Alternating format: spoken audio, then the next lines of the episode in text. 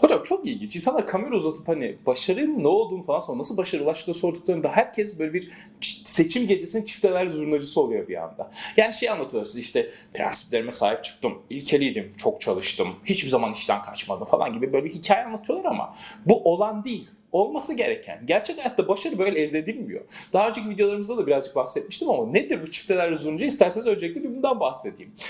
Hocam seçimi yıllardır çiftelerde tek bir parti kazanıyor MHP. İlk kez bu yıl 7 oy farkla CHP kazandı. O gün seçim sandıklarının kurulduğu ve seçim sayımlarının yapıldığı o okulun önüne gittiğinizde göreceğiniz manzara şuydu. CHP'liler acayip halay çekiyorlar. Dırını dırını komandante çeki var hoppa hoppa falan oynuyorlar. Ve orada zurnacımız da çalıyor. Paraları alıyor tabii ki bahşişlerle doluyor. Harika müthiş bir gece. Ondan sonra tabii MHP'ler hemen itiraz ettiler. Tekrar sayım istediler. Arada bu kadar az fark olunca. Tekrar sayım yapıldı. Bu sefer iki oy farkla MHP belediye başkanlığını kazandı. Ve MHP'liler çıktı okulun önünde nispet yaparcasına onlar oynamaya başladı. Dınının ölürüm Türkiye hoppa iyi hey falan. Kim vardı hocam yine sahnede? Zurnacımız az önce CHP'liler oynarken bahşişleri götürüyordu. Şimdi MHP'liler için de bahşişleri götürüyordu. Hoppa diye. Şimdi o zurnacıyı getirin burada kamera karşısına konuşturun. Ve emin olun repertuarında TKP için çalacağı şarkısı bile hazırdır. Öyle bir repertuarı vardı çünkü abimizin. Size der ki hocam prensiplerime sahip çıkarak başardım der. Prensiplerime sahip çıkarak başardım. Prensiplerime sahip çıkarak başardım. Prensiplerime sahip çıkarak başardım. O gecenin tek kazanı da bu arada zurnacıydı efendim. Gelin gerçekleri duyma hazırsanız başlayalım.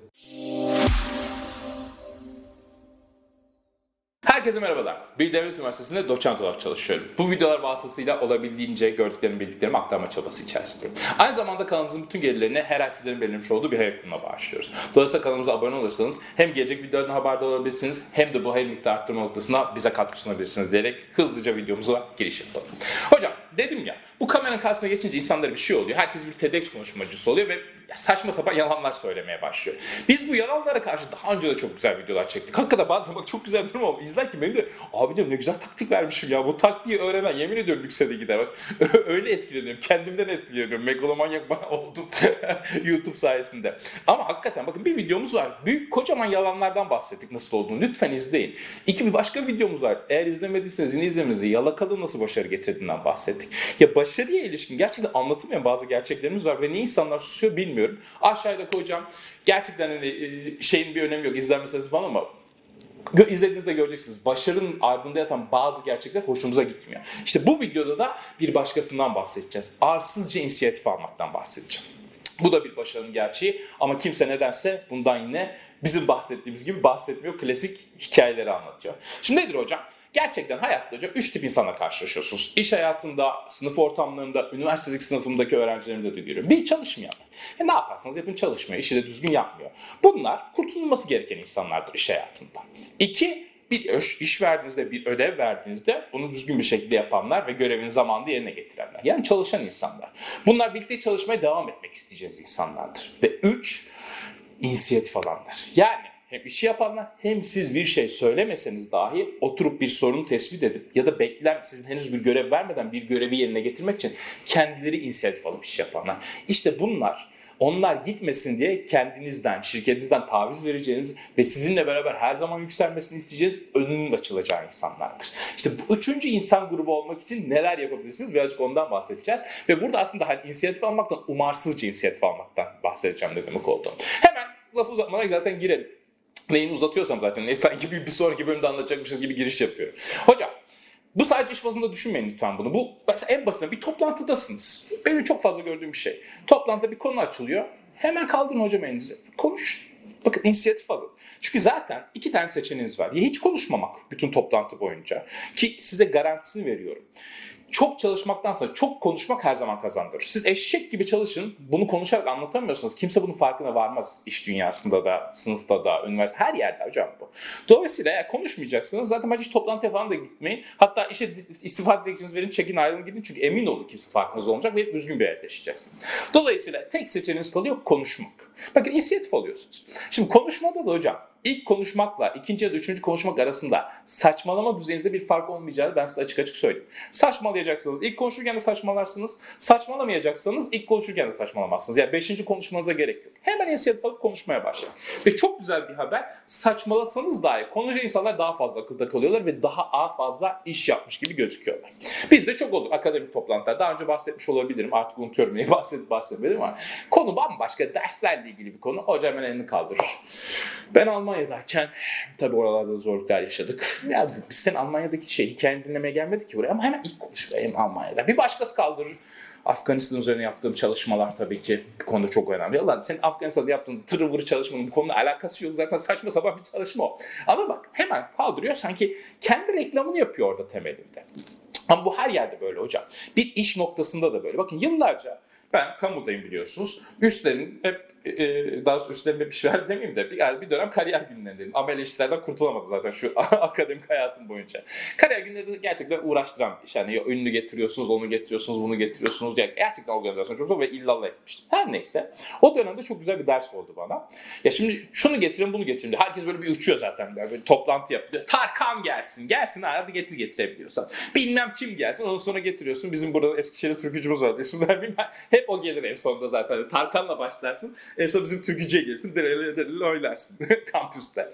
Ya şimdi olacak olan belli. Ben de bunu hep söylüyordum. Hani hocamız hocam diyorum yani sponsor nasıl bulacağız, onu nasıl getireceğiz. Bir başkası diyordu ki hocam getiririz merak etmeyin. İşin sonunda getiriyor muyduk? Hayır. Getirmiyorduk. Ya ben hocam yıllarca yaptım bu işi. Ben kimi zaman ünlüleri boş salon konuşturduğumu gördüm. Ya şimdi bir, bir, bir şey görüyorsun, söylüyorsun sen kötü oluyorsun burada. Sonra ben ne öğrendim biliyor musun? Yapamayacağım işi bile yapıyormuşçasına evet demeyi öğrendim hocam.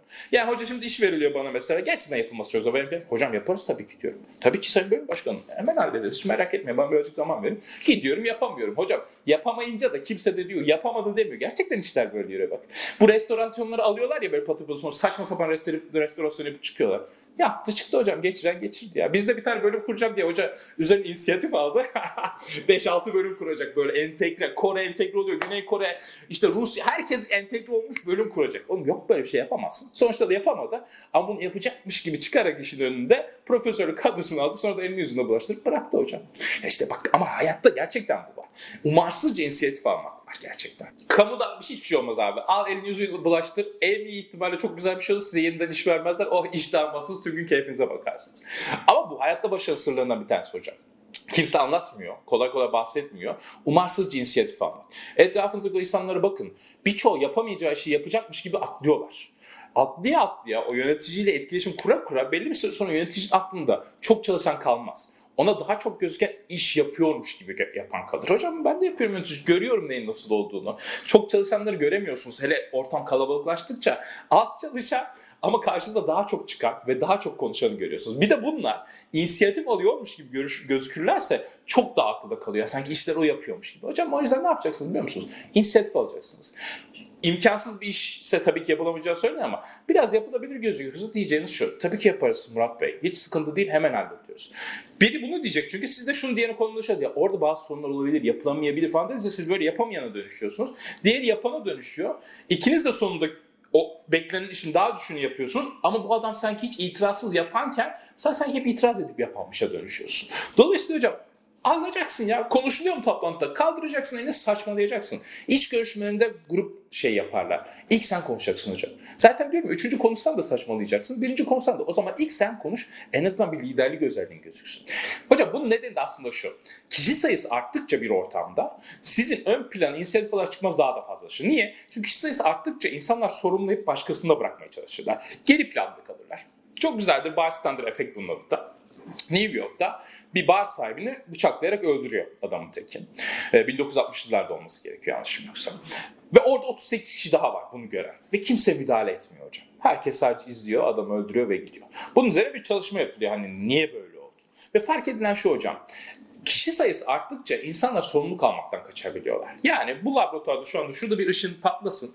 Biz burada 3 kişi olalım mutlaka içimizden biri gidip o ışığı tamir eder. Ama biz burada 40 kişi olduğumuz an itibariyle herkes sorumluluğu başkasına bıraka bıraka bıraka o ışığın tamir edilmemesine yol açıyorlar.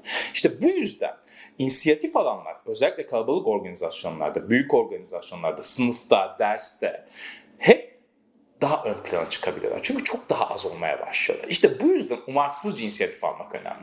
Umarsızca kısmı gerçekten evet belki sizi rahatsız ediyor olabilir ama iş hayatına girdiğinizde, gerçek hayata girdiğinizde göreceğiniz umarsızca iş adamların ve boş boş da olsa konuşanların daha hızlı yükseldiği ve daha başarılı olduğu olacak. Ben size yalan söyleyemem. Yalan söyleyemediğim için birçok kez bana kızdığınızı biliyorum. Ama bence artık hayatın birazcık gerçeklerini konuşulması gerekiyor. Biz bu gerçekleri konuşmadığımız müddetçe benim gibi insanlar yetiştiriyoruz. Çok çalışarak başarılı olacağını zanneden, liyakata inanan falan gerçek hayata bir çıkıyor. Çat çat tokatları bir yemeye başlıyor. Burundan sümük akıyor hocam. Buradan akıyor böyle kafa gidiyor. Dolayısıyla ya gerçekleri buna göre düzelteceğiz ya da gerçekleri konuşacağız. Şu ana kadar gerçekleri düzeltemediğimize göre o zaman buyurun size gerçekler.